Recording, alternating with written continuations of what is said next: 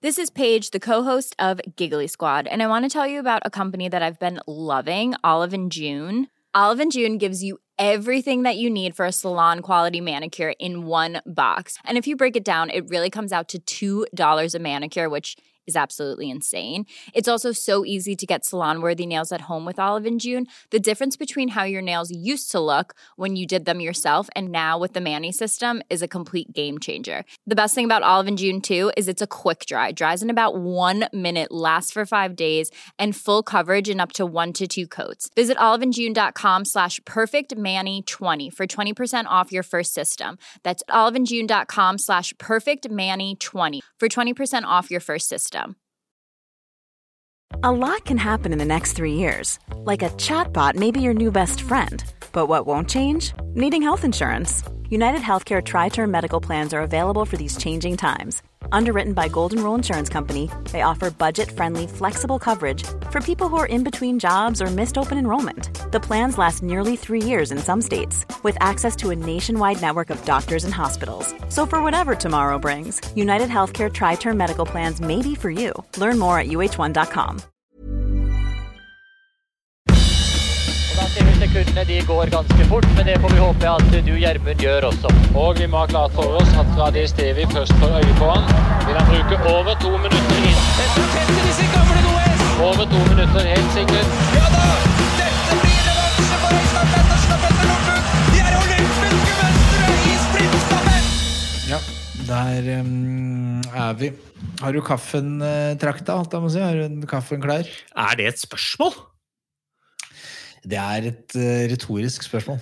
Ja, for det er et spørsmål du vet svaret på, og det er et ledende spørsmål, men det er klart jeg har det. Altså, gode koppen, ikke sant? Der, eh, også med litt sånn, du legger merke til, det er ikke bare kaffen som er eh, kvalitet på her, det er koppen Nei, jeg ser at det er høy kvalitet på alt. Er det i dag det er, er det smaksserien av Coop kaffe, eller er det Coop kaffe av en annen? Du, det er det alltid. Men jeg har jo vært på påskefjellet nå, Ja, og der har jeg drukket eh, blå, da. Traktekaffe ute på termos. Alt er bedre ute på termos. Hæ? det, det blir det. Det blir bedre. Alt, Ja, ja. alt er bedre! Så der kosa jeg meg med traktekaffe. Men, men jeg er jo ærlig på Kom hjem i går. Satte over litt i rolig kverna Kenyas, smaksserien. Det er andre boller. Det er andre boller, altså. Vi, Ja, men, men igjen, da er jeg jo inne. Da er jeg inne. Så da, da det, hadde jeg vært ute, mm, kunne jeg fått noe annet. Men når jeg er inne mm. Ja, vil du si at du kommer ut på null? At, uh, altså, fordi det, du kan, det en sånn som jeg ville tenkt nå, da, det er Tenk deg hvilken uh, tilværelse du ville hatt dersom du kunne drikke Kenya-kaffe laget på maskin på termos ute. Eh, Ja, men samtidig så er det jo noe med det at det skal være litt sånn primitivt ute òg. Det skal liksom styre litt med bål og stå der med sånn flintstein og Nei, nå la jeg på, nå la jeg på dramatiske Bålet brenner bedre. Ja, Ja, jeg skjønner, det, er- det er som julemiddag midtsommers. Det er ikke det samme. Det er ikke det samme. Nei, altså Hvis du kan velge mellom liksom tapas og grillpølse svidd, så velger du 100 og 100 ganger tapas når du er inne. Ja, det var jeg litt usikker, faktisk. Nei, nei, nei, nei, nei. Men når du er ute, Ja, da, da, bare, ja. da flyr brente grillpølser. Bare. Lompene revner, ikke sant? De har blitt, lompene har blitt for gamle for å ha kjøpt dem før du dro på hytta. Bevisst. Kjøpt- bevisst kjøpt gamle lomper. Du kjøpte dem i januar. Folkens, husk lompene nå i januar, så de blir gamle og slitte til påsken. Åh, Ja, alle hamstrer jo dasspapir. Jeg hamstrer lomper. Så jeg spiste sånne mugne, tørre greier oppi Bløt, som bløt sprøstekt løk. Sånn som du har bevisst lata litt. Sånn som det har blitt, eh, blitt som bløtt. Pappa, har du huska å få litt saft i den sprøstekte løken? Ja, selvfølgelig, unger. Det, pappa jobba klar til påsken, han. Er det løk, eller er det sagmugg? Hold kjeft og spis.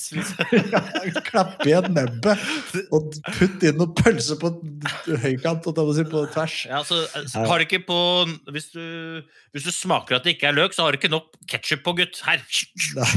Bare kjøre Rett på. i gapet! Opp kjeften! Hei! Men, eh, men har du hatt en fin påske, eller? Ja, jeg må si det. Altså, det, har vært, det har vært hyggelig. Jeg har, um, det ble en ganske intim uh, kohort med kjernefamilien, og det var hyggelig. Det, det er liksom å være tilbake til Påsken er en av de feriene og de, den høytiden. I den grad jeg setter høytider høyt, så er det nok den høytiden jeg setter aller høyest. Ja. For det er noe med litt som du sier der, det er noe med det at skiføre skal være dårlig. At det skal være isete og ugreit eh, i løypene. Eh, Det skal være sånn, Nå har jeg blitt en fellenes mann, eh, så jeg er jo ikke så urolig for Klister før lenger. Pappa på den andre siden, han eh, er trofast han til klisteret, og sleit jo med det, selvfølgelig. Og det er en del av påskekosen. Pappa agger seg «Æsj, det dumme tåler dumme sviks og dumme ski. Ikke sant? Det er en del av kosen. Og det fikk vi i store doser, og det setter jeg pris på. Men er det derfor, er det derfor liksom uh, filterkaffen og disse brente pølsene som på en måte uh, er så godt? Fordi at alt annet er så drit at selv ting som ikke nødvendigvis er så godt, er bare helt kanon, for alt annet er ræva?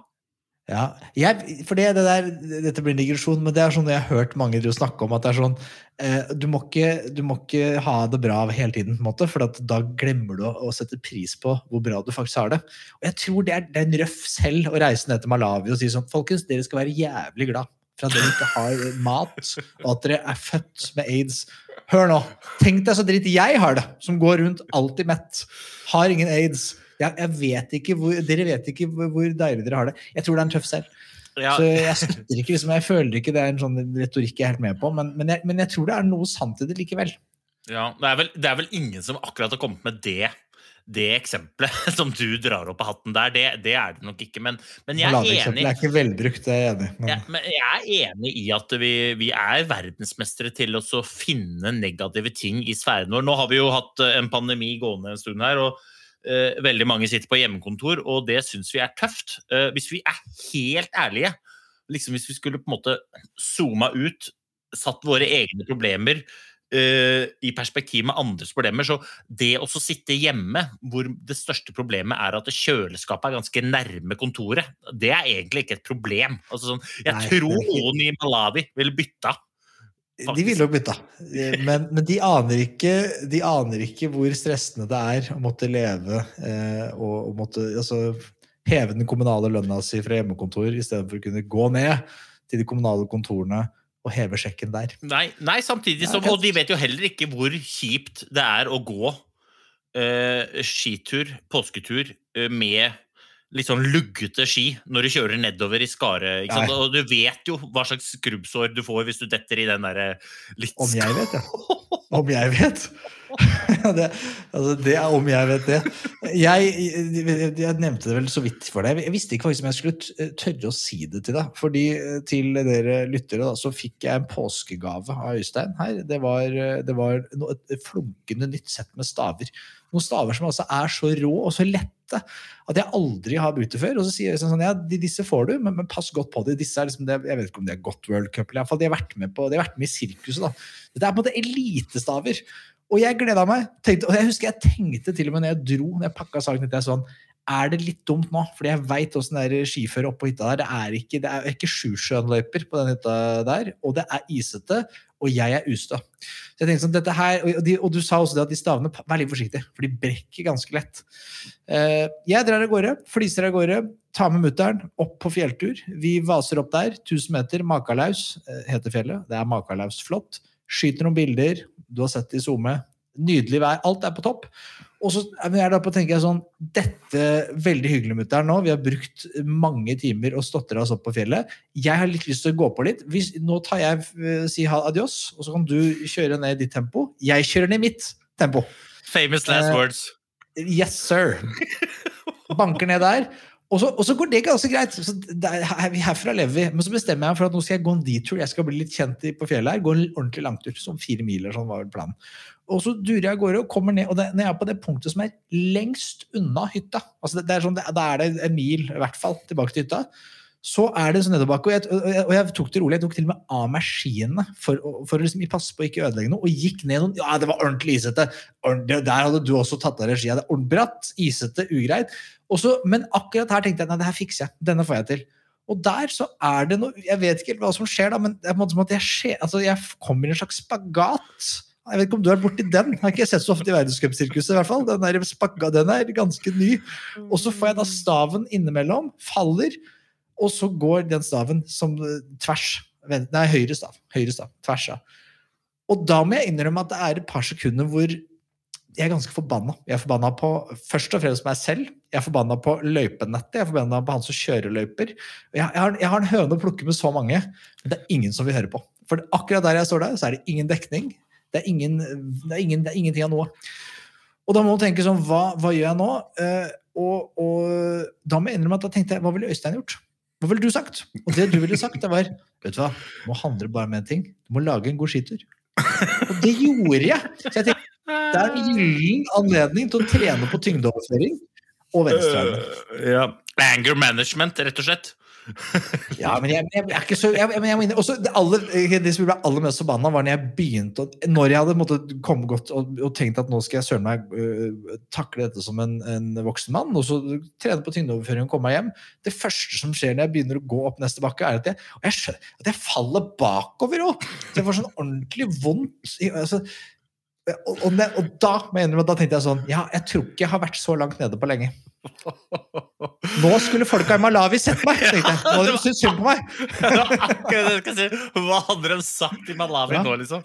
Og jeg falt der på den store drikketaska mi med solbærtoddy full av sjokolade, og da hadde de sikkert i Malawi sagt at stakkars deg, Og du kan så, ha knust sjokoladen, og det og så kommer du hjem, og så flipper du opp uh, telefonen, og der er det liksom er. Kutt klassisk. Ja! er Bra! Der er du god. Vi får ikke snakke om din påske, vi nå. Det rekker vi ikke i den her. Det er det, liksom. Det, hele. det, men det er deilig det. det er deilig å høre andres ulykke er verre enn min. Altså, hva syns du om Dæhlies forslag? Uh, jeg syns jeg synes som jeg sa Jeg hadde, nevnte på Twitter til vår gode venn Petter Skinstad, som ikke vi har hatt på poden ennå. Han er jo drømmegjest nummer én. Han må vi jo få på veldig snart. Han er busy mann. Uansett, han eh, var ute og meldte og liksom, Jeg tror ikke han er så gira på at man skal gjøre så mye endringer. Men som jeg sa der òg, det beste nå er jo at folk tør å melde. Fordi en opplevelse vi har hatt, har vel vært litt at det, det, det murrer litt i miljøet. Så snakkes det om at kanskje man må gjøre en endring. Det er litt sånn ulike, Folk har litt ulike meninger, men de tør ikke å gå ut og melde. Og det var det Bjørn Dæhlie satte i gang litt, da, føler jeg. Ja, for at eh, FIS står vel ikke for rett fra hofta her nå fremoverlente, innovative skientusiaster. Nope. Det er vel ikke det det der- Ingen av delene. Jeg tror ikke det er noen av delene. Skal jeg være helt ærlig. Det er det mest skremmende. Nei, altså eh, jeg, har, jeg har sett på den her eh, diskusjonen der de mente jo at eh, vi burde kutte klassisk. Bjørgen var rett ute og var uenig. Klæbo var jo der at han mente at noe burde endres. Vi var ikke sikker på hva. Eh, Valnes mente jo at hvis vi skulle kutte klassisk, så burde man kanskje kutte skøyting også, basert på resultatene i femmila, nei, 15 km i VM. Eh, Det har jo vært mange som har ment mye. Men jeg må jo være ærlig og si at det på en måte det koker jo ned til problemet her er jo at det er skjevfordeling eh, blant talentene, basert på at eh, kanskje Norge og Russland har mer økonomi, basert på at det er bare noen land som har snø, og basert på kanskje bare noen land har interesse. Men så sitter jeg da og ser på Flandern rundt, Mm, og på topp 10 der så er det jo 15 fra Belgia. Ikke sant? det. Men det er jo mange lag. Jeg, jeg, jeg mener jo at eh, dette er jo nok et slag til en av de tidligere episodene vi hadde hvor vi snakka om hvordan vi kunne endre langrennssporten eh, fundamentalt. Altså, vi må jo lage lag som gjør at eh, de som kommer fra land hvor det ikke er økonomisk apparat, men at de får det gjennom også eh, privatisere, gjennom å gjøre det ikke er Norge mot eh, Sverige og Russland lenger, men at det er lag mot hverandre, og at da kan få delt både norske, russiske, svenske, tyske løpere på alle lag, som gjør at det blir mest spennende for alle sammen. Altså, det her mener jeg helt alvorlig, at den, den her tanken den vokser jo bare større og større. for det er ikke, det er ikke Om det er klassisk eller skøyting, det er ikke det som er problemet. Problemet er at vi må få folk til å satse på ski og se at her er det muligheter til å tjene penger, her er det muligheter til å komme seg opp og fram. Og det gjøres gjennom å kommersialisere sporten litt, da. Og, og Ski Classics har jo vist at det er mulig. altså Ski Classics kan jo si hva du vil om, om, om det sirkuset der, og om løperne er mer eh, gode eller ikke. Det, Men de har i hvert fall vist at det går an å bygge et produkt som gjør at flere løpere kan tjene penger på å gå, og at partnerne også tjener penger på å være med og bidra. Mm. Ja, og der har man jo litt det samme at eh, nå er det, det såpass, eh, såpass fersk sport, om du vil. Altså, så man har liksom ikke så mange nasjonaliteter eh, som, og så mange lag fra ulike land. Men eh, jeg mener jo Ski Classics eh, viser at det er mulig, og jeg er enig med deg. Jeg, jeg, tror, jeg tror at er, man må gjøre noe mer. Eh, Det å bare kutte en kutte klassisk eller kutte skøyting Nå tror jeg Hvis vi hadde kutta både klassisk og fristil, så tror jeg jo, jeg vil gjette på at han Christer Holund hadde vært fornøyd, for da ville jo alle løp gått på truger. Og da tror jeg han hadde vært vanskelig å slå! Da hadde han vært vond å slå, altså. Ja, men jeg tenker Doll hadde vært enda bedre. Oh, ja, ja. Han kunne løpt der med noen gamle truger. Ja, han går jo nesten på truger nå. Nei, men, men, men vi, vi, vi spøker, men vi mener jo alvor. Og, og vi kan jo godt eh, ta debatten igjen. Til de av dere som ikke vet hva vi mener, så vil vi anbefale dere å gå tilbake og høre på er episode tre og fire videre av Skipodden. Vi har jo blant annet besøk i en episode av Vegard Ulvang, som ikke har vært ute og meldt noe, har jeg sett, i denne omgang. Eh, Men han var jo litt kritisk han, til våre forslag. Eller han, jeg vet ikke om han var kritisk, men han var ikke så, han var ikke så higen på endring. Eh, Han mente vel at liksom, det har funka før, og det kommer til å funke en gang igjen. Eh, Vi, eller iallfall jeg, mener at det er vel å overlate litt mye til tilfeldighetene. Det er ikke jeg Mm. glad i. altså. Nei, jeg er enig. Jeg er enig. Men uh, vi, kan la, vi kan la det ligge, og det ville sikkert surre og gå, det. Men jeg tenkte jo, uh, når du liksom hadde din em, analyse av påskeføre Du vet jo at det, april er jo egentlig det den måneden i året hvor det er aller finest å gå på ski. Altså den Ja. tida som kommer nå. Det er klart, nå bor du på et eh, strøk innenfor ring 1, da. Der er det kanskje ikke så bra, men jeg bor på jeg- ja, altså du, bor jo, du er jo i lockdown, men, men eh, på fjellet nå, april, altså det er så fantastisk. Jeg husker når eh, Spesielt de siste åra jeg gikk på ski og bodde på Lillehammer, da hadde jeg altså så mange fantastiske turer. ass. Så til de av dere som har muligheten til å utnytte skiføre nå, nå er det bare å gå. Og er du heldig og det er nattefrost, gå på Skaran. Og hvis ikke, gå i, i løypene. Altså, det er Du får det ikke bedre. Ja, for, for her må jeg høre mer om, for jeg har, jeg har sett på Instagram i, i mange år, så jeg har sett eh, både mosjonister og proffer som legger ut sånne i, i april, legger ut sånne filmer at de, de bare cruiser på Skaran og skøyter på Skaran, og det ser altså så nydelig ut. Så jeg tenker sånn, hadde jeg kunnet skøyte, så skulle jeg drevet med det der. Neste år neste år skal du drive med det der. og Det er jo det er også en, eh, en fantastisk form for, um, for trening. For det første så er det jo, er det jo gøy da, at du går andre steder. eh, Og du kan legge turene mer eller mindre akkurat der hvor du vil. Fordi at det er så fantastisk skare når det er ordentlig skareføre. da. Mm. Og så kan du liksom, du kan gå opp på topper, du kan gå, hvis det blåser så går du ned i dalene, og så kan du følge bekker. Altså det er bare en sånn Eh, Det blir en litt slags skiporno for min egen del, jeg må være ærlig og si det. Når jeg, når jeg satsa, når jeg gikk verdenscup eh, og var på landslaget, så bodde jeg i Oslo. Og da var jo april en sånn måned hvor jeg ikke jeg skjønte ikke helt fascinasjonen til de folka som sa at det var så fint å gå på ski. Fordi at jeg var jo da vant til sørpa i Nordmarka, ikke sant? selv om Nordmarka, sånn som det har vært nå, har vært fantastisk. Med, når det er kaldt om nettene, så er det Nordmarka òg fin. Men det er ikke alltid det er sånn, så jeg, jeg delte ikke helt fascinasjonen til de løperne som bodde, bodde i nærheten av fjell. Da. Men nå altså, nå er jeg helt sånn euforisk. April for meg, du, det var jo før det handla mer om å reise rundt og gå sånne ulike showrenn. Altså, det, Jeg får høre litt om det. ja, altså, det er et kapittel i seg selv, disse showrenna. De har blitt litt borte. Men altså, det finnes noen sånne legendariske showrenn, og showrenn det handler jo om at uh, langrennsløpere, uh, ofte da eliten, uh, blir invitert til et sted. Og så er det et barneskirenn først, og så er det et showrenn. Og så er det en, en rolig bankett hvor da løperne, arrangørene og alle partnerne og sponsorene til arrangementet møtes, spiser en trivelig middag uh, inntil det sklir ut. Uh, Fellesnevneren for alle er at det sklir ut sånn ordentlig. Eh, og da eh, Dagens gjest, han er vel ikke fremmed for litt utsklielse, han? Nei, nei. Chris Jespersen har eh, Jeg har eh, spesielt da. hvis vi skal, vi skal dra fram noe som Chris Jespersen var, var god på, så kan jeg dra fram et konsept som var Røldal ned og opp. Det Ja. var altså et fantastisk Altså, da dro vi alle sammen til Røldal. Bodde vi der Og da starta dagen med at det var storslalåmrenn. Da var det om å gjøre å ringe sin utstyrsleverandør og få tak i de beste storslalåmskia de hadde. Ja. Og så var det da Dette var da alpinister mot langrennsløpere i storslalåm. Så vi kjørte ned. Og så når vi kom ned, så var det ett sekund regna om til uh, Ett sekund i storslalåm ble regna om til en viss tidsdifferanse fordi at det var jaktstart etterpå. Opp igjen. Ah, I langrenn. Ja, så da var det liksom uh, Øystein Pettersen mot Leif Christian Haugen. Leif Christian Ja. Haugen starta jo godt stykke før Øystein Pettersen, men eh, Leif Kristian Haugen var jo dårligere enn Pettersen, selv om jeg var dårlig oppover. Så Leif var jo enda dårligere oppover. Og så var det god stemning, ikke sant. Og det var jo det var altså et fantastisk renn. Og så var det rolig bankett på kvelden der da, på Røldal-terrassen, inntil det sklei ut. Eh, Ja. Og der, altså, der var det jo liksom alltid. Eh, og jeg må nevne òg Mosjøen. Altså Mosjøen! Et renn midt i gata i Mosjøen. Og altså det, For det første, det var kjempebra arrangement. Eh, og, og det er jo et arrangement som fortsatt er, men pga. korona så har det ikke vært. Men da er det først barneskirenn. Skolen er med. Alle er med.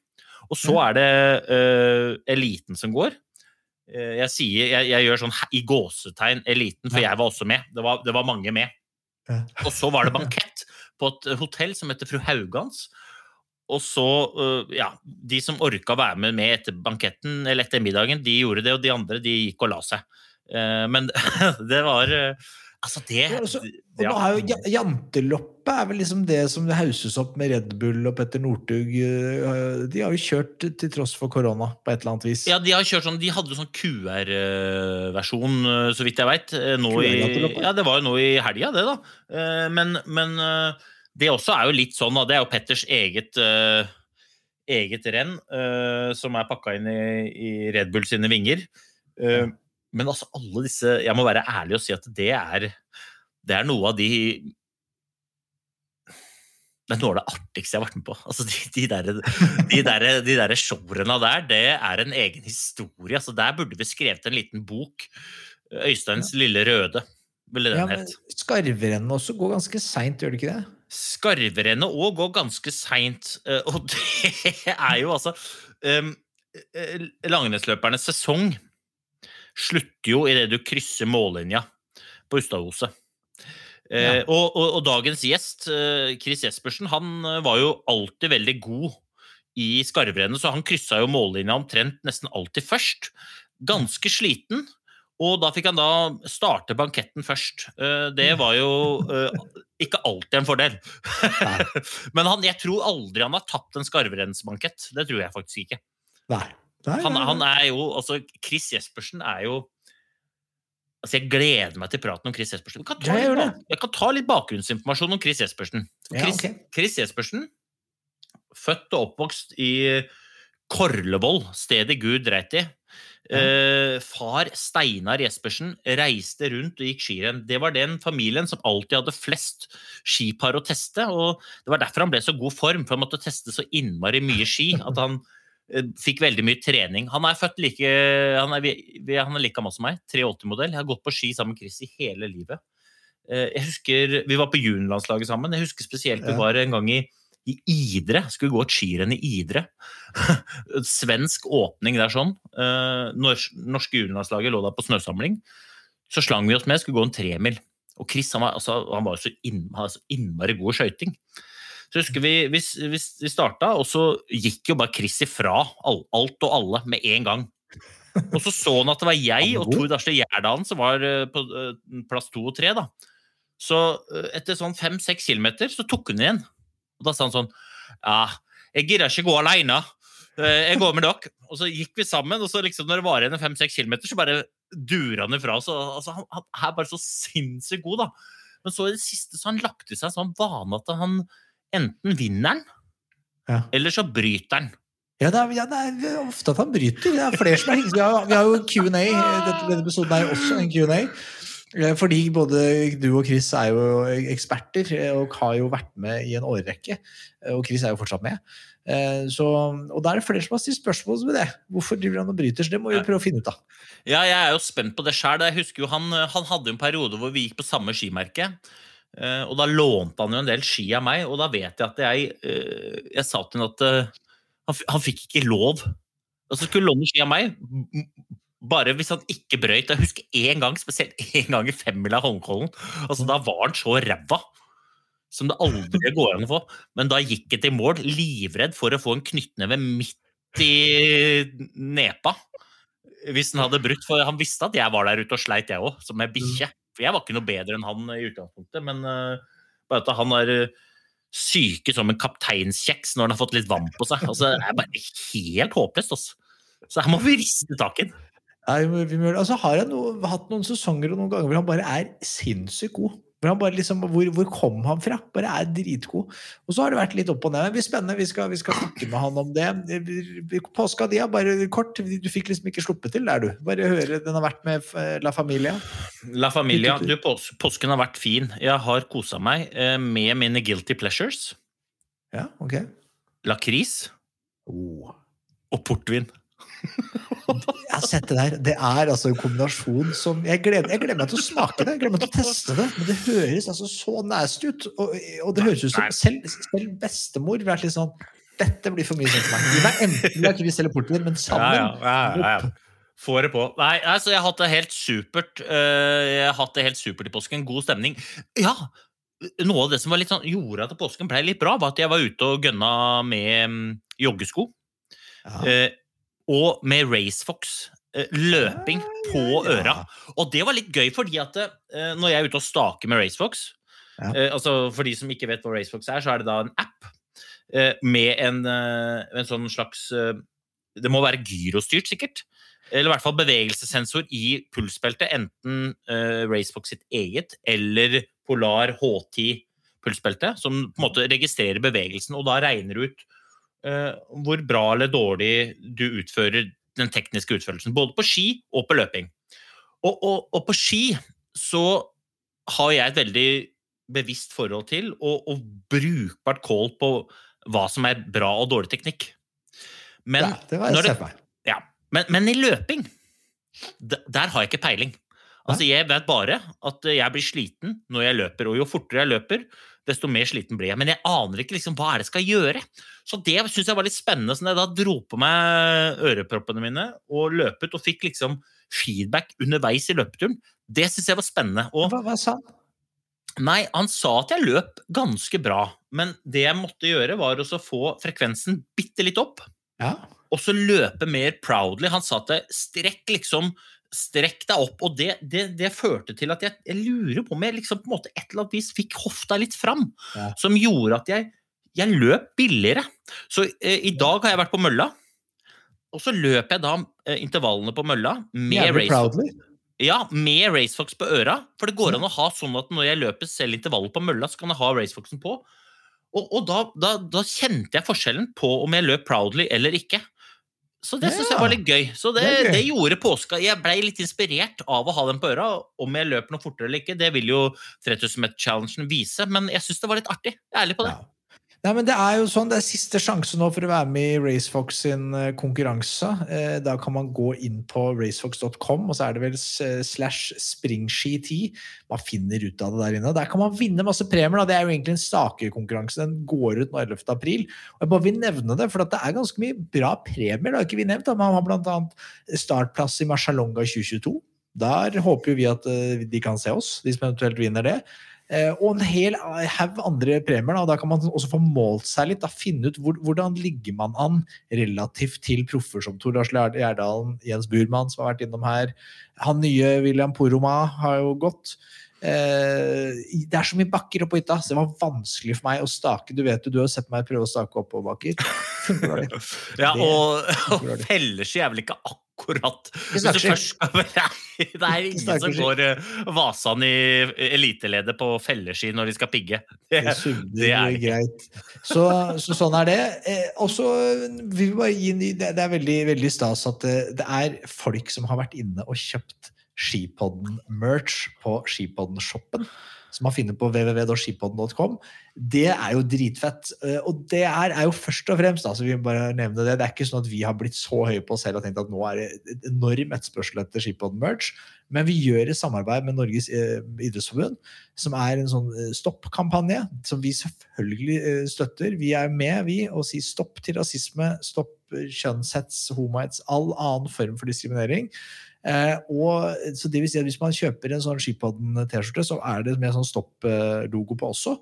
Eh, og så går penga til den kampanjen. Eh, I hvert fall mange av dem, da. Ja, penga går dit. Eh, Ja, og det er jo gøy.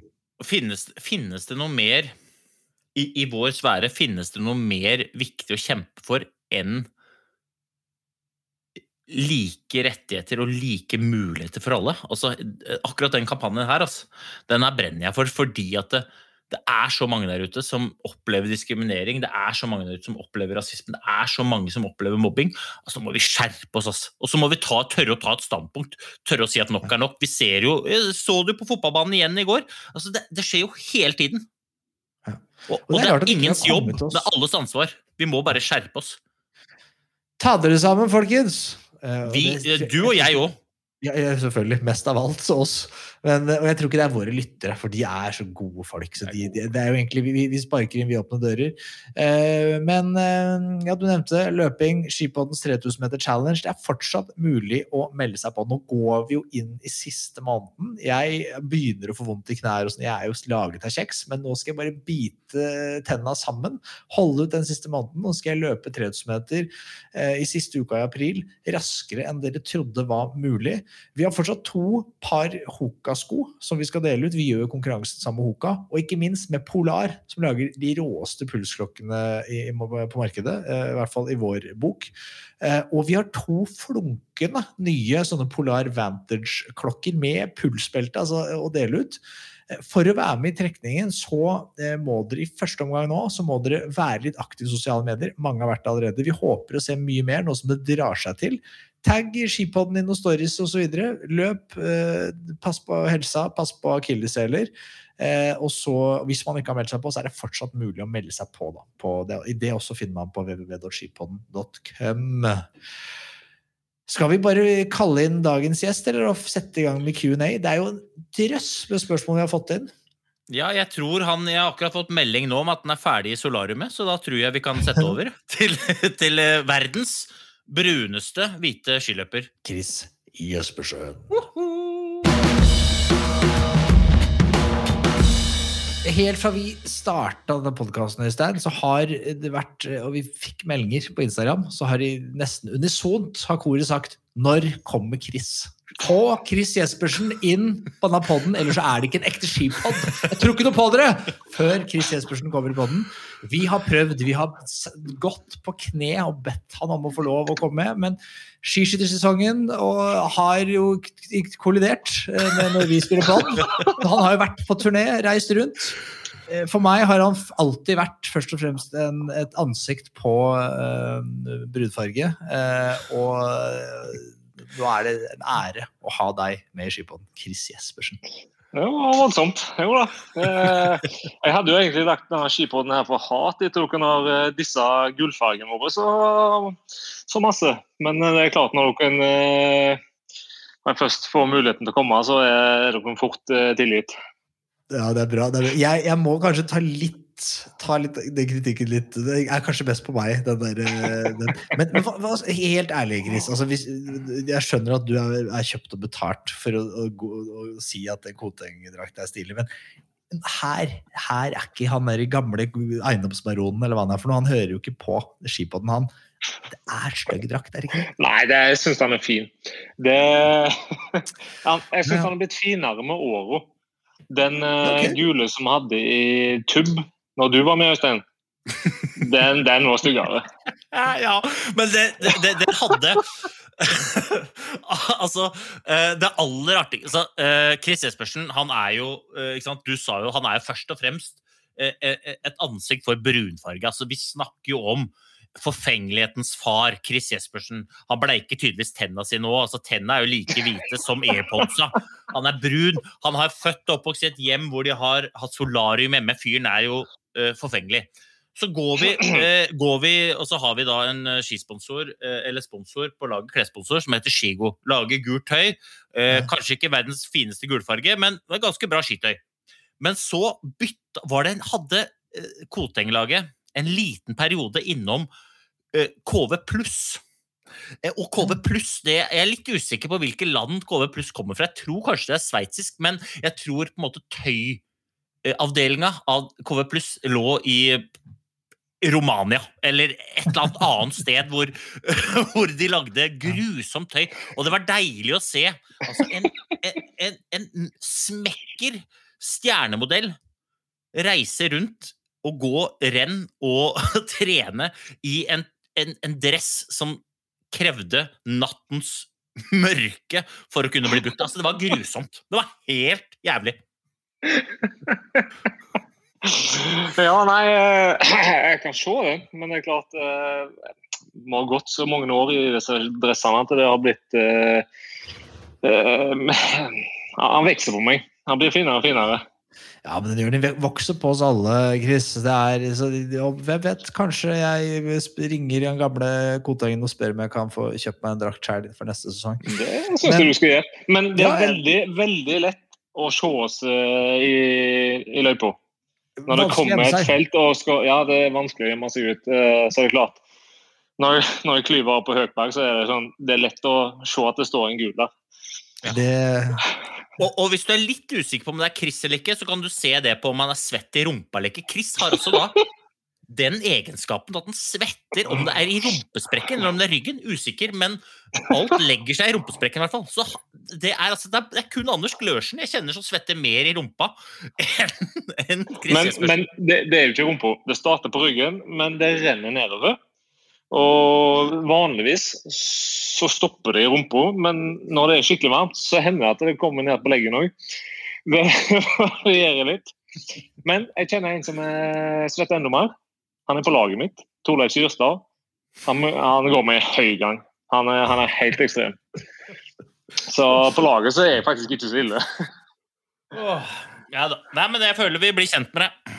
Vi, blir, vi gjør det. og Hvor er det du befinner deg nå? Vi liker alltid å få sånn viss sånn oversikt geografisk her. Hvor er du, hvor er du bor om dagen? Eh, Trondheim. Ja, det er det, ja. Det er verdt det. Er verdt det. det er et spørsmål om det. Det kommer. Om disse bymarka hvor man bør trene og sånn. Men, men altså, vi må, vi må liksom snakke, vi må liksom bli kjent med, med Chris Jespersen. Det er, det er så mye vi, må, vi vil snakke med deg om. Og jeg skjønner at dere går jo langt tilbake, boys. Jeg jo bare gjorde en rask sånn Google-søk, og da fant jeg noe sånn Var det junior-VM fra langt tilbake, hvor du, Chris, var, var beste norske på fjerdeplass. Øystein, du eh, kom på en hederlig niendeplass. Eh, og dere var de beste der. Vet dere hvem som vant? Ja, selvfølgelig veit vi hvem som vant. Ja, for derfor, det er derfor jeg, dette, jeg trekker fram dette løpet. Det er en av, en av mine gamle helter. Frans Gøring, selvfølgelig. Nei, han vant ikke. Han ble nummer to. Jo. Det var Legg Nei, han vant. vant U23-VM. U23-VM er det. Ja, ja, ja, ja, ja, ja. Stemmer, stemmer. Frans Gøring var dritgod den, akkurat de ukene Han der. var, han, var, han var veldig god da. Han har faktisk verdenscupseier. Ja, Frans Gøring? Nei. Ja, jo. Prøve-OL i et eller annet fullstendig Hva var det da? Det må høres ut Jeg er ganske sikker på at han har verdenscupseier. Ja, Det kan ha vært i Ramsau, da, i den der uh, testløypa. Ja, det vet jeg ikke. Men uh, en annen artig historie er jo Chris Jespersen, junior-VM 2003, Sollefteå.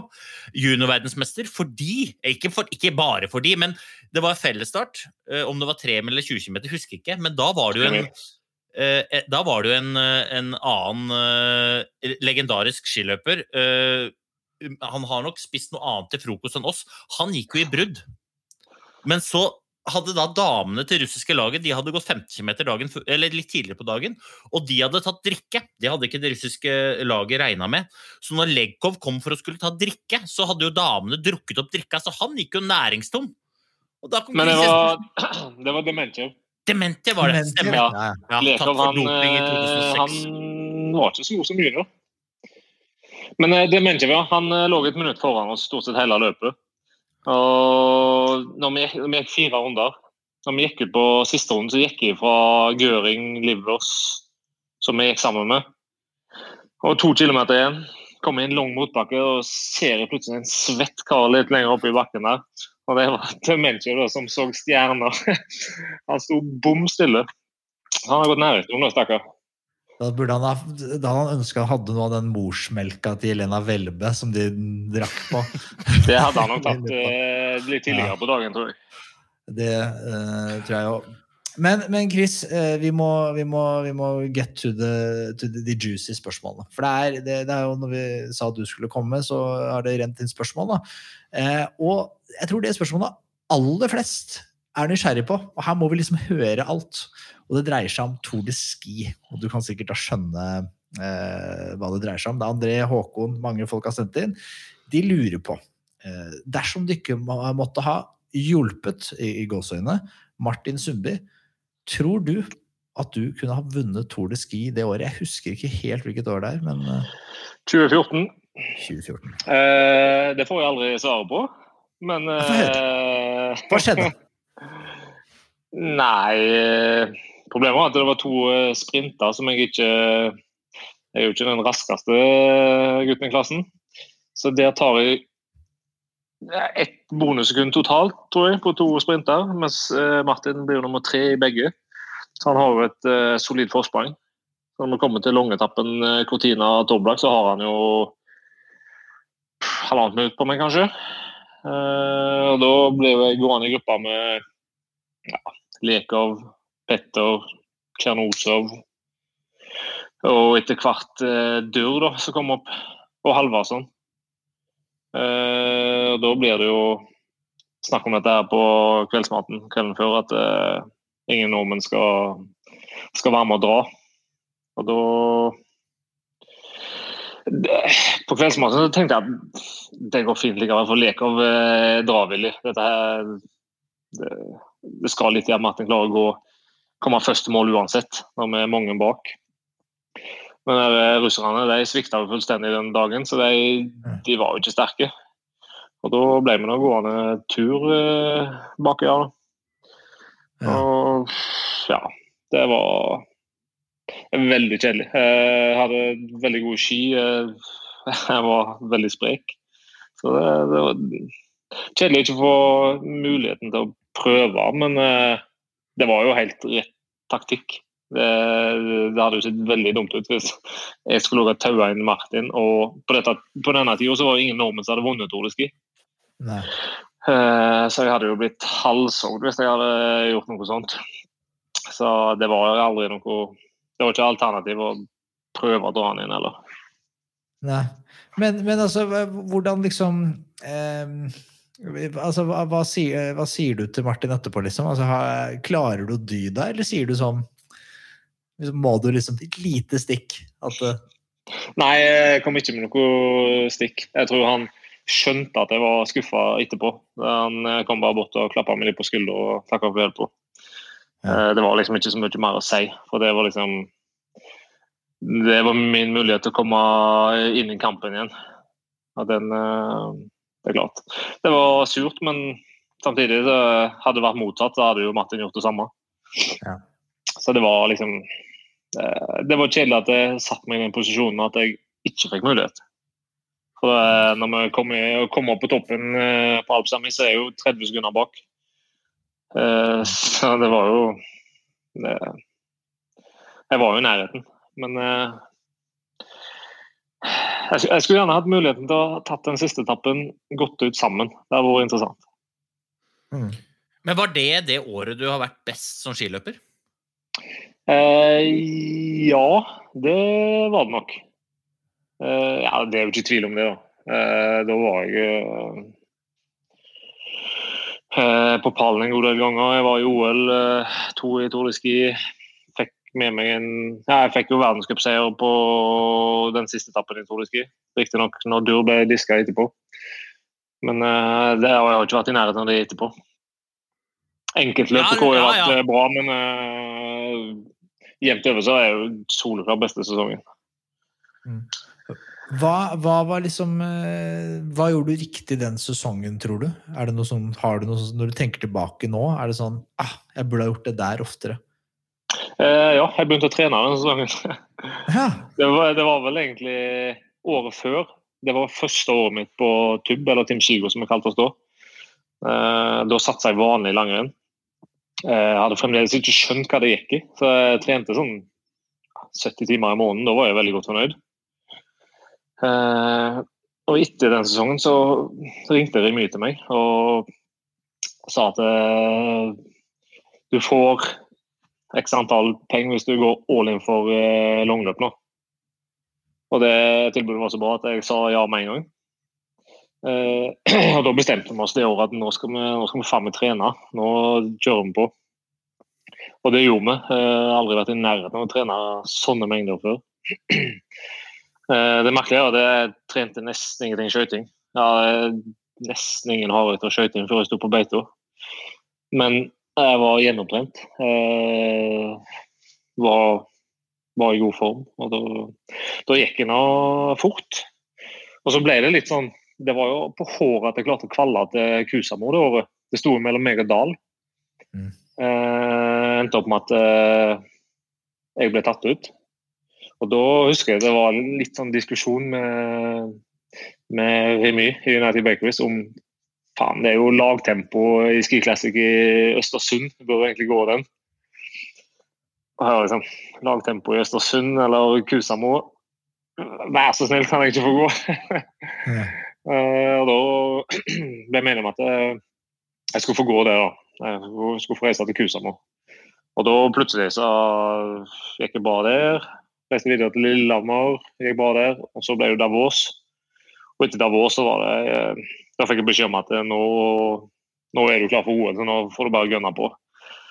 Så får du heller ta langløp helt, et helt annet år. Ja, fordi, det er det her jeg syns er så gøy med deg, Chris. Det er at eh, jeg, det er alltid spennende når du er til start på beito, fordi du vet aldri hvilken form du dukker opp i. Brått så bare vinner du. For det er jo noen ganger du bare klinker så innmari til og kommer på pallen, eller iallfall helt tett oppe til pallen. Og så har vi på en måte ikke sett det. Hva sånn, her, driv, kan, vi, jeg, jeg kan Har ikke han lagt opp? La, ah, skiskyting, jeg vet ikke. Jeg vet ikke hva han holder på med. Men det, det siste han driver med, er å gå raskt på ski, trodde jeg. Og plutselig, der er du.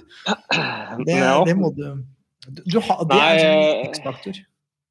Det har jo gått litt opp og ned. Da. Det siste året så har jeg gått eh, Jeg hadde det året med Petter, og da gikk vi jo eh, gikk vi i bøtta begge to. Dette er uh, sånn, eh, Chris. Ja, ja det regner jeg med. Året med Ja, for, For hva var, hva var forskjellen på eh, For at det du beskriver, er jo den treningskulturen som dere i Team Shigo, som etter hvert ble Team United Bakeries, dere lagde jo en slags Jeg vil jo si at dere på mange måter var banebrytende for eh, det som i dag er standard langløpstrening. Jeg var selv heldig å komme inn i det miljøet året etter at eh, Eller etter OL i Sotsji, så kom jeg inn i det samme miljøet, eh, og på en måte ble jo gjenfødt som skiløper sjøl, fordi at jeg selv fikk satt eh, egne perspektiver på hva det jeg har holdt på med før i trening, eh, gjennom å se hva dere holdt på med. Men når du da hadde det i banken, hva var det som gjorde at For det første, hva var det som gjorde at du ikke klarte å, å få til det samme på landslaget? Og, og når du var på laget med Petter, da, Team Coop eh, og Petter, hva var det da som gjorde at det gikk så gærent for dere begge? Eh, for min del så eh, er det det som alltid har vært i min karriere, det er sykdom. Eh, jeg har vært veldig masse syk. Og året på landslaget Første året så gikk det for så vidt greit. Jeg kom nå til VM i Falun. Gikk OK, men det var et steg ned. Året etterpå så var jeg syk så å si hele sommeren og høsten. Jeg trente nesten ingenting. Klarte ikke å komme topp 50 på beito. Eh, Jeg var på landslag, så jeg var heldig fikk gå i Davos likevel. Eh, Jeg gikk, jeg ble vel nummer åtte der, Eh, men det var vel kanskje eneste skirennet jeg gikk det året. Så for min del det, var sykdom som gjorde at jeg datt ut av landslag. Trener du ikke, så går det ikke. Og det året med Petter så var det òg det samme. Petter var, han kom jo godt i gang. Han reiste ut til høyden allerede i mai. og tror han var fire uker på Stelvio på vårparten. Eh, jeg skulle være med jeg gang, men jeg ble jo syk. Eh, jeg var syk i to måneder. Så jeg kom litt skjevt ut. Og jeg var jo med han for å bremse han. Eh, så problemet mitt var at når jeg ble frisk, så skulle jeg være med han på trening. Jeg skulle holde farten nede. og Det klarte jo i starten til han. Problemet var at til meg så ble det jo I4. Når han gikk rolig, så gikk jeg knallhardt hele tida. Så jeg kom i fort i altfor god form. Jeg hadde ikke grunnlaget til å være i den formen. Så vi kom til eh, høydesamling eh, på høsten. Så trente vi jo Ja, vi trente altfor masse hat da, i forhold til det vi burde. Eh, sånn 17 ganger 1 minutt, eh, 10 ganger 2. Eh, Maksdrag oppover mot Katarina Berg. Det var sikkert godt der, Øystein. Så, Det er da sånn masse- eh, sidedal da, i, i Det han snakker om nå, Hanso, det er jo da eh, Vi ligger i, i Valsenales, det er jo en, en dal eh, bortgjemt i Nord-Italia. eh, og opp Katarina Berg, det er da en sånn smal eh, asfaltvei som blir døllere og døllere på asfalten. Og, og den økta han prater om, den har du sett klipp av.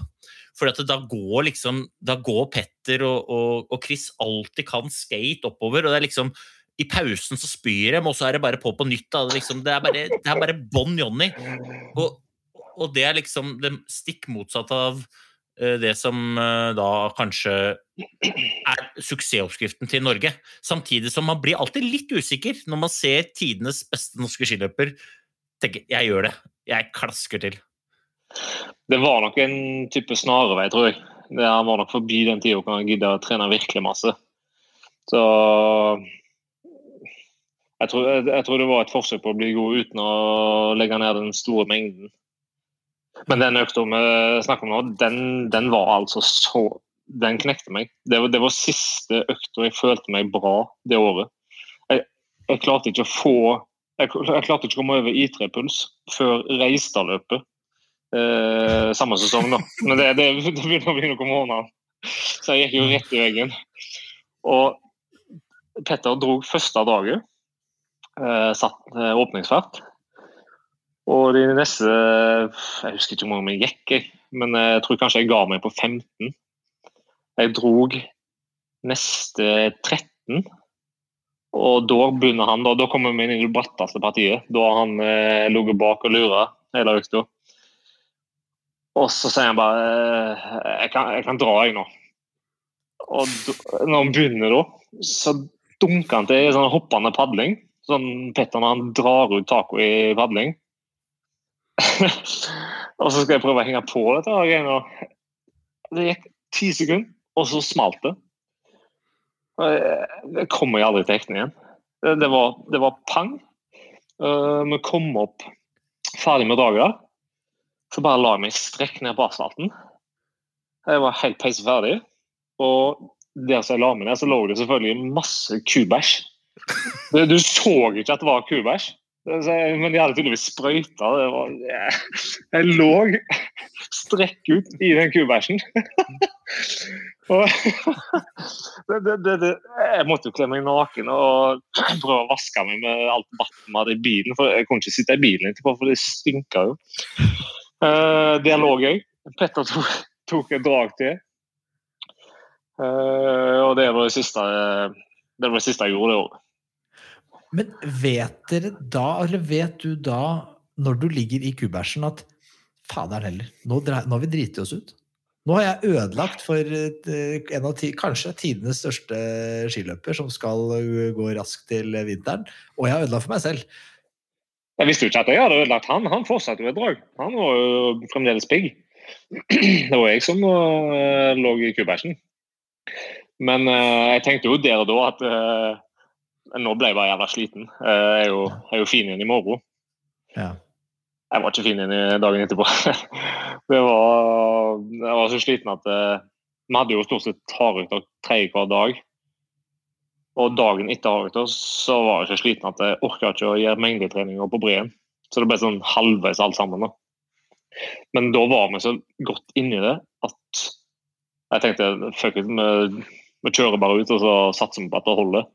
Og vi hadde jo med oss tre voksne karer som prøvde å bremse oss på alle økter.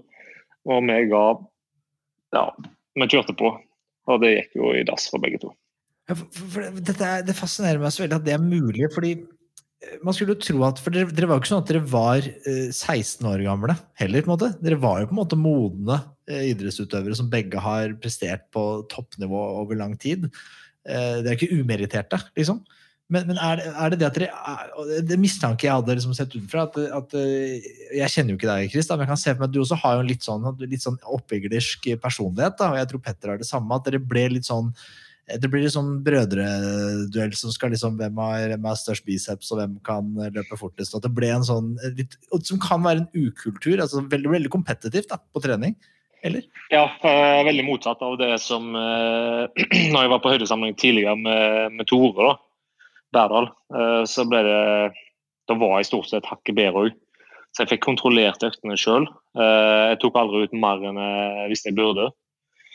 Mens eh, nå så var det liksom Jeg prøvde å drepe han på alle økter. Ja. Og da drepte jeg meg sjøl òg. Men igjen så var det Det var pga. jeg hadde, hadde ikke fått gjort den treningsjobben som jeg visste jeg burde ha gjort på høsten. Så jeg, jeg skjønte jo at det, dette her er, det er gambling, men jeg, jeg tar den sjansen. Eh, formen gikk jo bare til himmels eh, i løpet av oktober.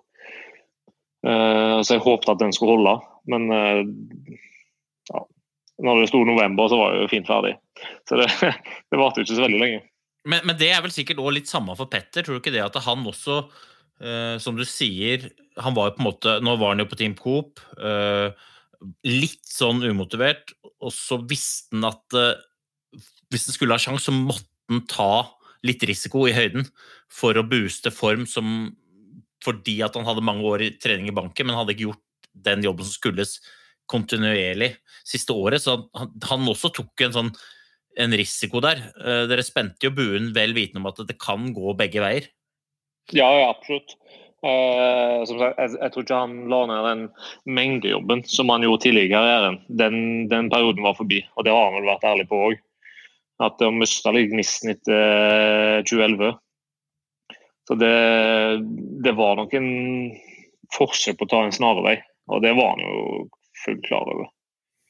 Uh, og det, det, det, det, er sjelden det funker med snarveier. Jeg, jeg, jeg, kan skjønne at han klarte det de årene etter 2011, for da har han trent så bra i så mange år. Men det er begrenser hvor mange år du kan gi det etterpå. Før eller senere så må du begynne å trene skikkelig mengde igjen. Og Det fikk jeg vel kanskje inntrykk av at han gjorde før VM i Falun. Men så var det vel kanskje litt slapt igjen. Ja. ja en annen mistanke, da, siste på, på det temaet med Team Northug, men uh, det er at igjen sett utenfra, da, så fikk jeg sånn et inntrykk av at her uh, Det er ingen voksne på jobb. på en måte. Altså han Manageren var kompisen, og han der treneren var jo kompis. Og, og, og Petter var litt sjefen. da, og det er, det er liksom, Hvis du gir ungen din nøkkelen til godteskapet og sier eh, i helga er det du som er sjef, så skjer det der? Ja, vi hadde jo med oss mange eh, trenere. Eh, men eh, to voksne som eh, er veldig fast bestemt på at de skal trene på den denne måten, så er det vanskelig å stoppe dem. Så at du skal ha litt det, det, er vanskelig å si til Petter at dette her gir dere bare ikke. Eh, så jeg kan skjønne at det var det var vanskelig å stoppe oss. Vi var jo begge to uh, veldig innstilt på å, å, virkelig trene hardt. Spesielt den måneden vi hadde i, i høyden, hvor vi lå bare 14 dager på Stelvio. Da ligger du og, og trener høyt hele tida. Så det var jo Ja. Det, det, det var litt tullete, men vi tok en Vi gambla litt, og det, det funka ikke. Og så eh, bare hoppe tilbake til, for Du sa at det som måtte var litt sånn formut, eller eh, det gikk opp et lys for deg da du begynte, gikk på privatlag og Team Skigo, Team United Bakeries. Hva, hva, var det liksom helt konkret? Altså, hva er det de gjør, gjør annerledes enn hva man gjør på landslaget? Liksom, du, hva var liksom det nye? Eh, det var disse lange staketurene stort sett som var forskjellen. Der fikk jeg jo streng beskjed når jeg kom inn på landslaget. Det måtte jeg slutte med. Eh, det, jeg har veldig tro på å være gjennomtrent sterk. Eh, det gikk opp et lys for meg når etter staka så masse. vi har mista deg litt, Chris. Men eh, forskjellen på, på Du snakka om at det var lange staketurer og sånn, og at det fikk du ikke lov til å gjøre på landslaget. Hva, hva var greia der? Ja, jeg jeg fikk, eh, etter jeg kom inn, så ble det vel foreslått at jeg kanskje kunne roe ned på disse femtimers eh, staketurene. At det var, det var litt bortkasta. Eh, men det er jo litt vanskelig for meg som hadde hatt én veldig god sesong, og den sesongen så hadde jeg trent veldig masse staking. Så det er klart, eh, jeg følte at det kanskje var en del av grunnen til at jeg hadde blitt god. da. For jeg syns at skøytinga ble veldig mye bedre av å stake masse. Jeg begynte å trene masse styrke, eh, som jeg aldri hadde aldri vært så veldig glad i styrke tidligere. Så jeg begynte med det og staking. Og dobbeltlansen. Det ble eh, veldig mye bedre av det. Står stødigere, du får mer igjen for skyv. og eh, Jeg syns staking var det som gjorde at det ble bedre. Det I tillegg til at jeg generelt trente veldig mye mer. da. Men det å være gjennomsterk i kroppen, det, jeg tenker det må være gull for skøyting òg. Ok, men eh, boys, vi må hoppe litt over i, i Q&A. Masse spørsmål har kommet inn, så vi må, det, må, blir veldig langt etter sin prøve være litt korte. Men eh, vi kan jo ta spørsmål fra Viljar, som eh, han er litt inne på det vi snakker om privatlag. Han stiller spørsmålet hvor hadde norsk herrelangrenn vært i dag uten privatlagene fra eh, deres tid, med Team Manpower i spissen? Jeg. Kan jeg begynne, eller? Ja, det var du som var på privatlag først, var det ikke? Jo, for det, det, er- det, er, jo det er jo et supert spørsmål. For at eh, jeg vet ikke hvor, hvor godt øh, folk veit om det her, da. Men altså, i Norges Skiforbund så har man jo et fantastisk opplegg med juniorlandslag, rekruttlandslag og så seniorlandslag. Men den overgangen mellom junior og senior den blir for veldig mange veldig brå, og da blir man òg stående uten et tilbud. ikke sant? Fordi at eh, veldig mange kretser har bra junioropplegg ikke så mange kretser har bra senioropplegg. Så da var det noen som begynte å lage eh, privatlag. Og det, de første privatlagene det, Jeg var da heldig å få være med på, på Team Manpower, som var det første privatlaget hvor Fredrik Aukland annet var i spissen. Eh, og hvis vi hadde sett på antall løpere som har vært innom Team Manpower, og sett på antall medaljer og seire og resultater de har, så tror jeg folk har blitt overraska. Det første året jeg var på lag, da var jeg da sammen med Martin Sundby, Simen Østensen, Tor Dasle Gjerdalen, Roger og Djupvik og meg. Alle de løperne kom på lag. Eh, Når Førstemann ut var vel Tord, og så var det jeg og Martin og Sime neste året. Og da fyltes det jo på med Chris Jespersen, Eirik Bransdal, Anders Glørsen. Altså, det har vært så mange gode løpere innom det laget som på en måte har gått opp veien for det som i dag er et sånt eh, system utenfor landslagene, hvor da eh, det er en del private lag, og så har du da dette team Tidligere Veidekke, nå Team Elon, som er da et slags Det er jo regionslag, er det ikke det, Chris? Altså private regionslag som på en måte samarbeider litt med Skiforbundet.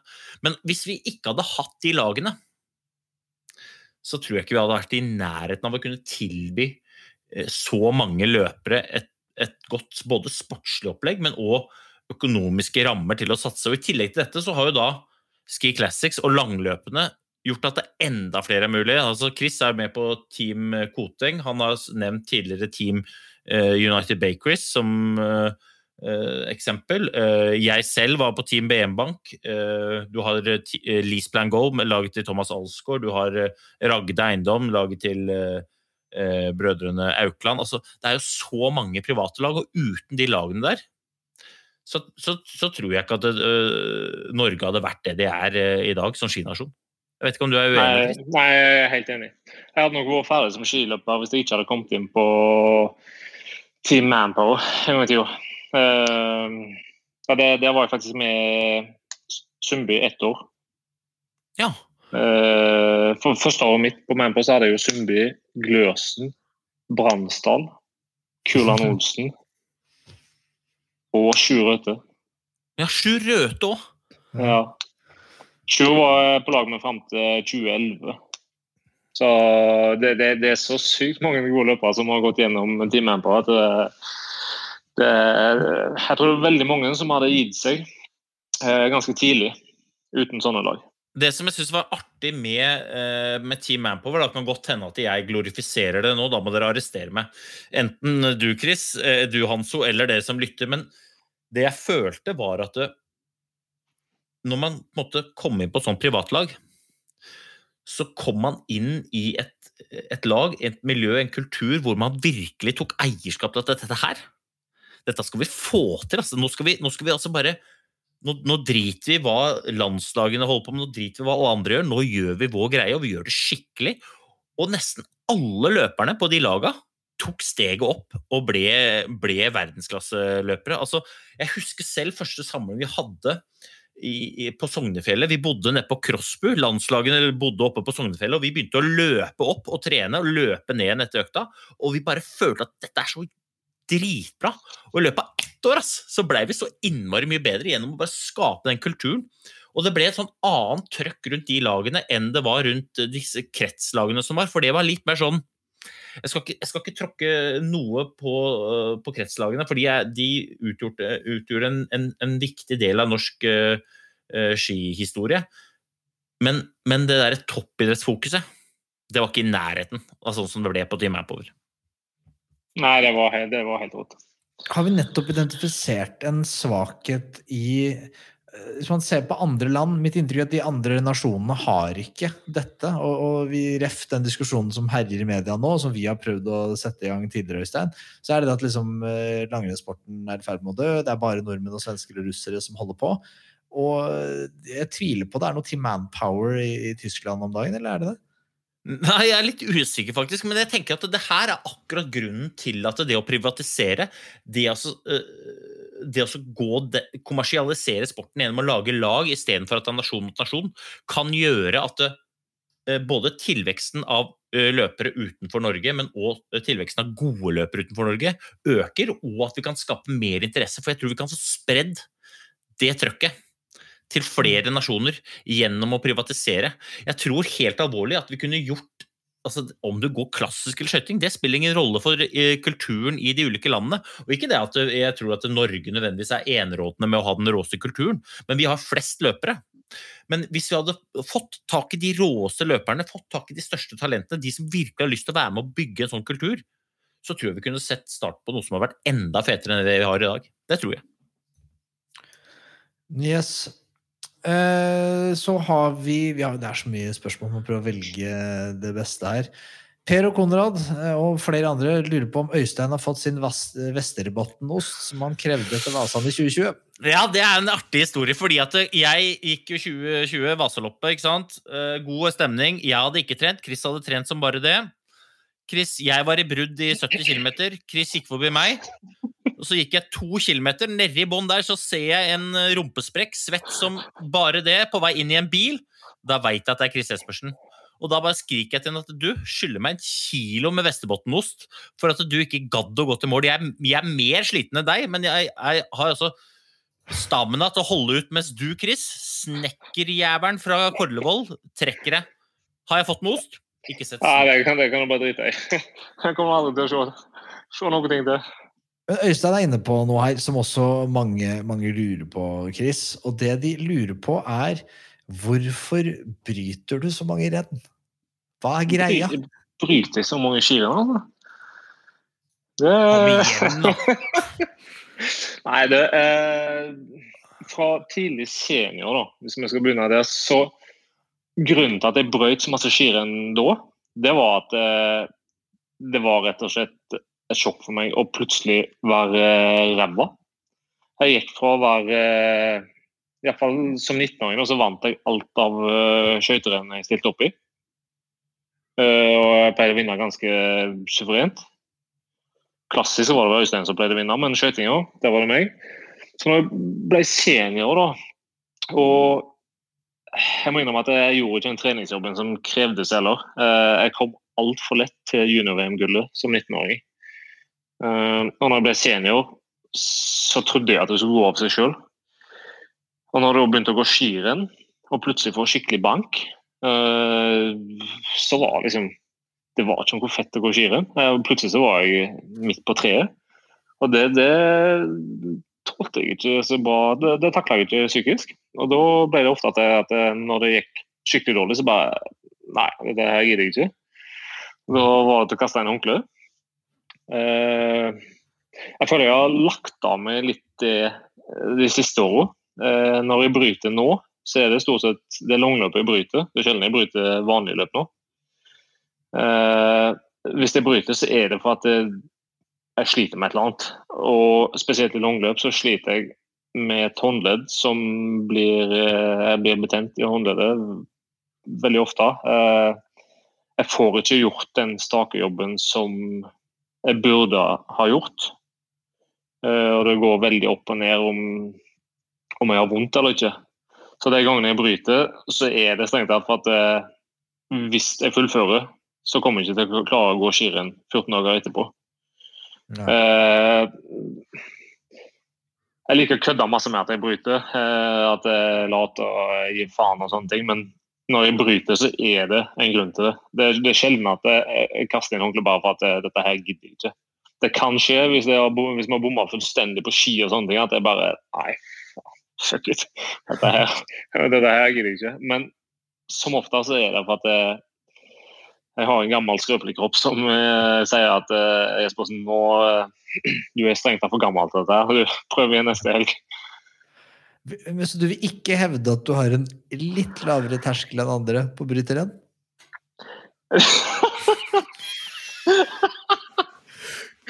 uh, ja, det, det kan jo være, men eh, jeg stort sett så er det eh, skader som gjør det. Uh, men jeg skal være ærlig innom at eh, jeg har brutt renn pga. at jeg har hatt dårlig ski, f.eks. At uh, i dag har vi bomma, i dag har jeg ikke sjans til å henge med. Dette gidder jeg bare ikke. Eh, så sånn sett så er vel kanskje smerteterskelen ja. Øystein hadde nok fullført uansett. Eh, sammen med Musgrave. Han er jo helt ekstrem på at han skal fullføre skirenn uansett om han har knekt fot eller ikke. Han er knallhard sånn sett, men eh, jeg er nok Jeg er ikke så hard i hodet at jeg fullfører uansett. Hadde du gått i mål i Vålådalen på, på skia til Mussy? Nå nettopp? Uh, jeg, jeg gikk til mål i Vasan, og jeg hadde ikke noe sånn sykt mye bedre ski enn det Møssi hadde da. Nei. Uh, så den, den syns jeg skal få heder for. Det, det Og, var og, og så er det og så er det jo også det at eh, Du kan jo godt bryte i Våledalen, men du må jo likevel gå til mål. Så på en måte det òg er jo med i, i, i, i regninga her, er det ikke det? Jo, jo. at, uh, Bryt gjerne, men du må komme deg til mål, for det er ikke en kjeft i Våledalen. Nei, det var litt det samme i Disaska i år. da. Når du først har gått opp første bakken her, du vet at faen, jeg må jo gå. Jeg må uansett til mål. Det er der tjenene mine er. Stopper jeg nå, så kommer jeg til å fryse helt opp på fjellet. Så da var det bare å tusle til mål. Ja, du så jo Eh, sammen Hanso med- på du så jo Hanso på Birken. Du traff jo han ute du, i løypa. Han, eh, han, han kunne jo godt bryte, liksom, men det hjalp jo ikke en dritt. Det Det er bare, det er bare å gå enda litt saktere til mål. Det er liksom. Ja, nei, det er bare at du roer ned, det- så kommer du til mål. Eh, Det, det går bra, det. Men sånn som i Vålådalen, da. eh, Første rennet der. Da går vi to runder motbakke først. Eh, Og da, da var det jo ryggen som igjen fucka seg. Jeg, jeg burde strengt tatt kalt det en sesong etter 2020 i år. Jeg fikk en uh, smell i ryggen her som ikke har blitt bra. Uh, men uh, jeg har jo lyst til å prøve. Jeg har prøvd igjen og igjen, og det har jo, det har jo ikke funka. Så jeg burde jo ikke gått alle disse skiene jeg har gått i vinter. Men siste gang jeg prøvde, var jo i Vålådalen. Eh, på det Birken-løpet der. Problemet der var at smørebilen vår sto jo der som en leppe i den runde. Der sto bilen vår. så det var jo Det var veldig lett å bare ta en kjapp høyre og så rett, rett inn i bussen. Eh, så der, eh, men der hadde, der hadde jeg litt vondt i ryggen. Da. Så, så. Nei, men vi, vi, vi, tror du er jeg, jeg, tror, jeg, tror, det er iblant at det kan være lurt å lytte til kroppen òg, ja. Så jeg, jeg, tror ikke det bare er dumt. Men eh, du nevnte, nevnte, det litt, dette med å være ung og gå fra junior til senior og sånn. Og Eirik, det er en del unge lyttere her, og Eirik han lurer på hvor gode var dere som unge? Og da tenker han på sånn hoveddansrenn og så videre. Eh, jeg tror faktisk Øystein var best som eh, 14-15. Når jeg var 14, så hadde jeg vel 100 og 20.-plass som best, lurer jeg på. Da jeg altså, var 15, så hadde jeg eh, 12 og 26. Jeg, jeg husker i hvert fall at um, tre kilometer skate i Tromsø, hovedlandsrennet eh, der som 14-åringer, der blei jeg rundt sånn 150-160. Og, ja, og, på plassen bak meg, Tor Dasle Gjerdalen. På plassen bak Tor Dasle Gjerdalen, Chris Jespersen. ikke tenk på det, men det var liksom Det, det går ikke an å sammenligne, for at det da konkurrer... Altså, hovedlandsrennet, det er jo hvem er det som ble kjønnsmoden først. Uh, og og, og der, bak våre resultatlister så Der skrives det en historie om at vi var ikke kjønnsmodne først. Nei, det enkelt kan være sikkert visst. Men eh, husker du hvor langt vi var bak uh, vinnerne i jenteklassen? Nei, men jeg vet at jeg er gift med en uh, flott dame som knuste meg i, i det samme rennet. Ja, jeg synes jeg husker at man var sånn typ tre minutter bak vinneren. Det var helt sjukt. Det, det var et stolt øyeblikk. Jeg ringte stolt hjem til pappa etterpå. «Ja, Jeg ble slått med tre minutter av eh, vinneren i jenteklassen. Det er godt du har trua på meg, paps. Men, men er det sånn at dere vet om hverandre da? Er det sånn at eh, Visste du, eller visste dere om hverandre når dere var unge? Sånn at det er han der Øystein Pettersen borti i Lillomarka der, liksom? Eller det er han Chris Jespersen på Vestlandet? Uh, nei, jeg var fra Vestlandet. Jeg gikk, uh, jeg gikk ikke skirenn på, på Østlandet. Jeg tror jeg gikk ett skirenn uh, rett før hovedlandsrennet. Lauritz Bergdals minneløp, men da var jeg 15. Da, da reiste jeg bort og, og gikk et klassisk renn der. Det var liksom eneste gang jeg gikk mot de beste i landet. Da, Ja. da, da husker jeg vi reiste første nyttårsdag. Jeg og papp satte oss i bilen eh, sånn grytidlig om morgenen, kjørte til Oslo for å gå skirenn. Nå skulle vi måle oss mot eh, de beste. Ja. Det var, det var ivrig. Ja, men det, jeg har jo allerede altså, uh, altså sagt at du og Steinar dere var jo det, den familien i verden som hadde mest øh, skipar å teste. Eh, jeg husker vi hadde et renn i, i, på Sinnes, en norgescup der. eh, om det var uh, Jaksdal, jeg husker ikke. Men jeg husker at det var ingen, var ingen som fikk eh, teste ski eh, annet enn dere, for dere hadde hele bakken med, med ski som dere måtte teste. Så var ingen andre enn snekkerfamilien som eh, dreiv opp og ned der. Det var jo Steinars måte på å få trent på, det det var jo det der eh, skitestinga der. Det, Det det, var, det fine her var at det var ingen som hadde dårligere ski enn meg den dagen heller. Apropos ski, Ja, eh, apropos ski Kristoffer han lurer på eh, en skipark, sier han. Hvor mange par ski har dere? Eh, har dere ulike sliper på samme ski? Spørsmålstegn. Eh, og beskriv gjerne skiparken deres eh, litt raskt, helst. Nei, det er klart det er spørsmål. Det kan vi sende videre til Øystein, som er ansvarlig for skiparken min. Det skal jo du ha stålkontroll på. ja, altså, det er i hvert fall eh, Nå er jo Chris i en særstilling, da, for Chris han er jo da eh, Han satser jo allround. Han satser langløp og skiskyting. Så han har jo, han har jo tre skiparker. Eh, som regel så satser jo folk bare på én ting.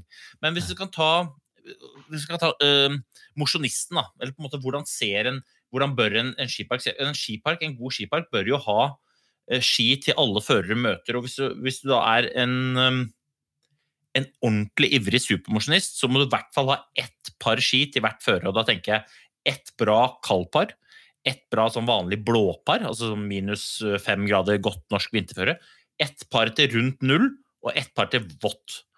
Hvis du er eliteløper, så har du i hvert fall to eller tre alternativer på hver av de førerne. Hvis du da eh, går langløp, så betyr det at du bør ha en skipark mellom åtte og ti par ski. Og de, de skiparene må være gode. Så hvis du eh, er usikker, så må du teste noe som gjør, uh, teste ski for de aktuelle førerne. Og så når du da finner et skipar som er bra, så tar du ett av de dårligste skiparene dine ut. Sånn at du hele tiden har to-tre eh, gode par på de ulike førerne. Og i Ski Classics så er det jo da ofte sånn at førerne varierer. Så for eksempel hvis det er Vasaloppet, så tester man ski som er gode både på sånn typisk blåføre, og som òg tåler fukt på slutten. Og da er det enten, endre enten opp med det paret som er for eh, vanlig vinterføre, eller for det som er når det er litt sånn blanke spor, null, null grader. Men jeg vil si åtte-ti par. Hvis du går allround, så har du da både klassisk og skøyting. Da er du, da er du oppe i 20 par. Hvis du er Chris, da, som da har stakeski, klassisk ski, skøyteski, så er det oppe i 30 par ski. Og da er, det, da er det viktig at du har god kontroll. Men det er jo ikke om å gjøre å ha mest ski, det er om å gjøre å ha best kontroll på de skiene man har, sånn at man står på start med det beste skiparet tilgjengelig. Det er jo veldig ofte at eh, skiløperne kommer inn og klager på smøreren. Men det er jo som regel ikke smørerens skyld, det er jo som regel at du velger å gå på feil konstruksjon, feil skikonstruksjon. Eh, Jeg ser nå den der debatten ikke sant, raser om at ja, vi må fjerne klassisk, eller i hvert fall så må alle smøre likt. Sånn, ja, alle kan godt smøre likt, men ikke tro at alle ski som blir smurt likt, er like å gå på. Glem det, for det er skikonstruksjon som avgjør. Så jo mer ambisiøs du er, desto viktigere er det å, å nøle litt på akkurat det med skien. da. Men for mosjonisten, to-tre par, good to go. Ja, det, det holder. Burde man, eh, sånn som de gjør det i Ragde, så virker det som at de har måttet fratatt utøveren det meste av makt når det kommer til sine egne ski. Fordi det virker som det du beskriver der, er at smøreren har gjort jobben sin, stått på, og så sier de at dere kan velge mellom dette, og så si, basert på det du sier, så kan det være at smørerne mener dette er den beste skia, og så velger utøveren den her borte. Ja, nå er ikke jeg en del av Ragde og har aldri vært det, og de holder jo mm, de berømte kortene litt tett til brystet. Men sånn som jeg har forstått det, så har de én felles skipark, og den skiparken er det da Magnar Dalen som har kontroll på. Den er det Magnar Dalen som har plukka. Altså, uh, eliteutøverne, de, de, de plukker jo ski. De, de drar ned på fabrikken, og så måler ut skiene, og så velger de ski med ulike egenskaper for de ulike førerne. Dette er det Magnar Dalen som gjør.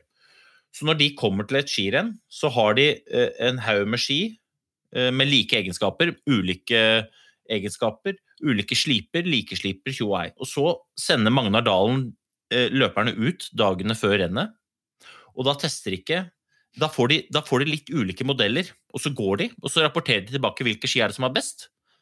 Og så etter nok tester så finner de den modellen med den slipen og konstruksjonen som er best. Og så har da, eh, sånn som jeg forstår det, Magnar Dalen et sett med den type ski, med den slipen, til alle utøverne. Deler ut. Lykke til. Og stort sett så går det veldig bra. Ja. Men det vil jo være umulig å gjøre på et vanlig skirenn, fordi at der er det for eksempel Eller i, i, en- en landslagstrailer, fordi at for det første så er det ulike skimerker. For det andre så er det ulike utøvere med ulik vekt. De skal ha smøring, så du kan ikke ha hatt én lik ski for alle sammen. Det går ikke. Så det er et system som ikke fungerer annet enn i Ragde, hvor da de har én som har stålkontroll på hele parken. Den dagen Magnar Dalen gir seg, Mm. så blir det spennende å se hva de gjør. Lykke til. Ja. Ja, de, det, de, de har jo ikke peiling på hva Magnar Dalen holder på med. Så de, de er revkjørt når han forsvinner. Eller, det er i hvert fall det de sier. Eh, Og så eh, vet jo alle sammen at uh, Andreas Nygaard han, han sier jo ikke all, han er jo såpass oppgående, han sier ikke alt til alle.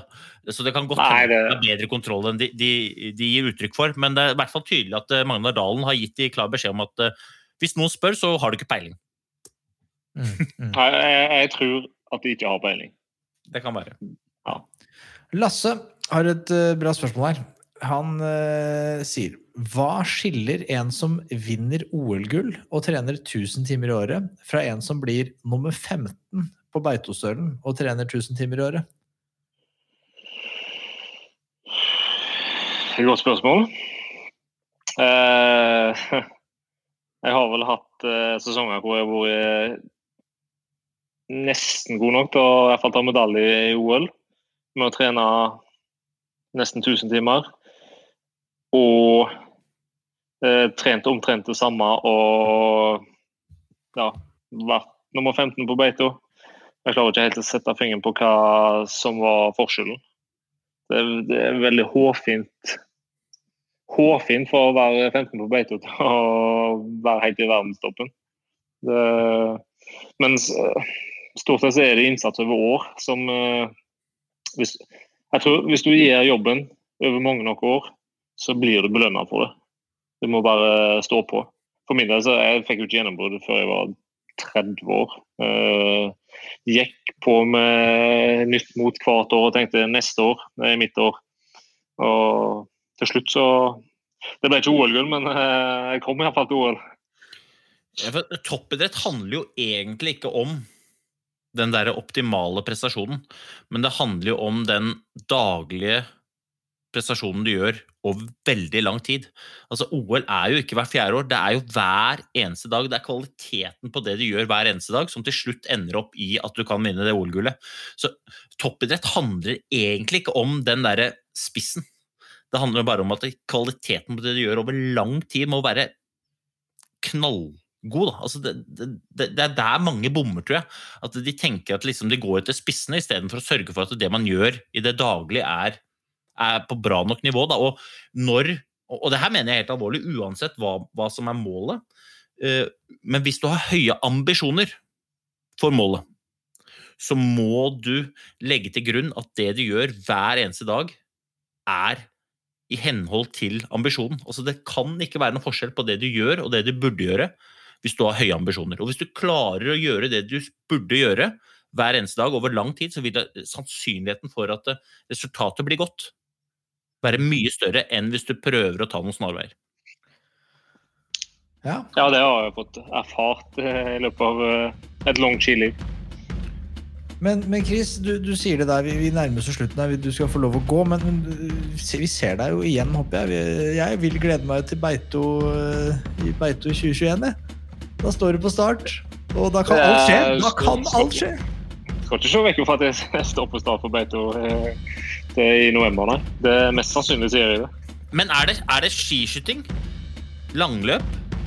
Allround? Eller er det noe nytt? Hva er det du Det er curling som er det neste. Eh, det er curling.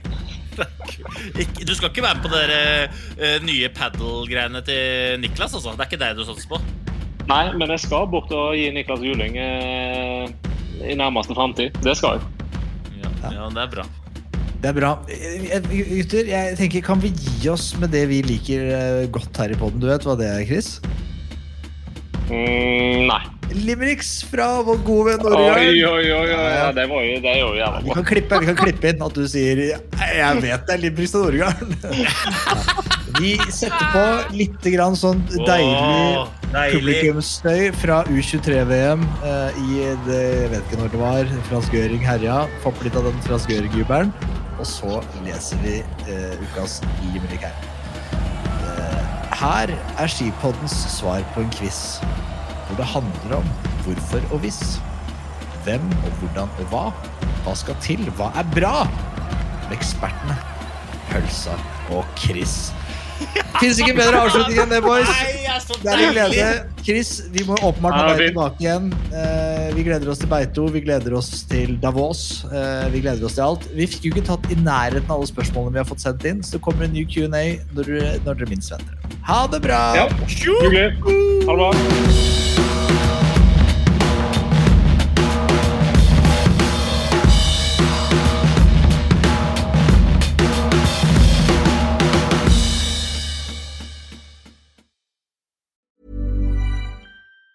Even on a budget, quality is non-negotiable. That's why Quince is the place to score high-end essentials at 50 to 80% less than similar brands. Get your hands on buttery soft cashmere sweaters from just 60 bucks, Italian leather jackets, and so much more. And the best part about Quince, they exclusively partner with factories committed to safe, ethical, and responsible manufacturing. Elevate your style without the elevated price tag with Quince. Go to quince.com slash upgrade for free shipping and 365-day returns. Hey, it's Paige DeSorbo from Giggly Squad. High quality fashion without the price tag. Say hello to Quince.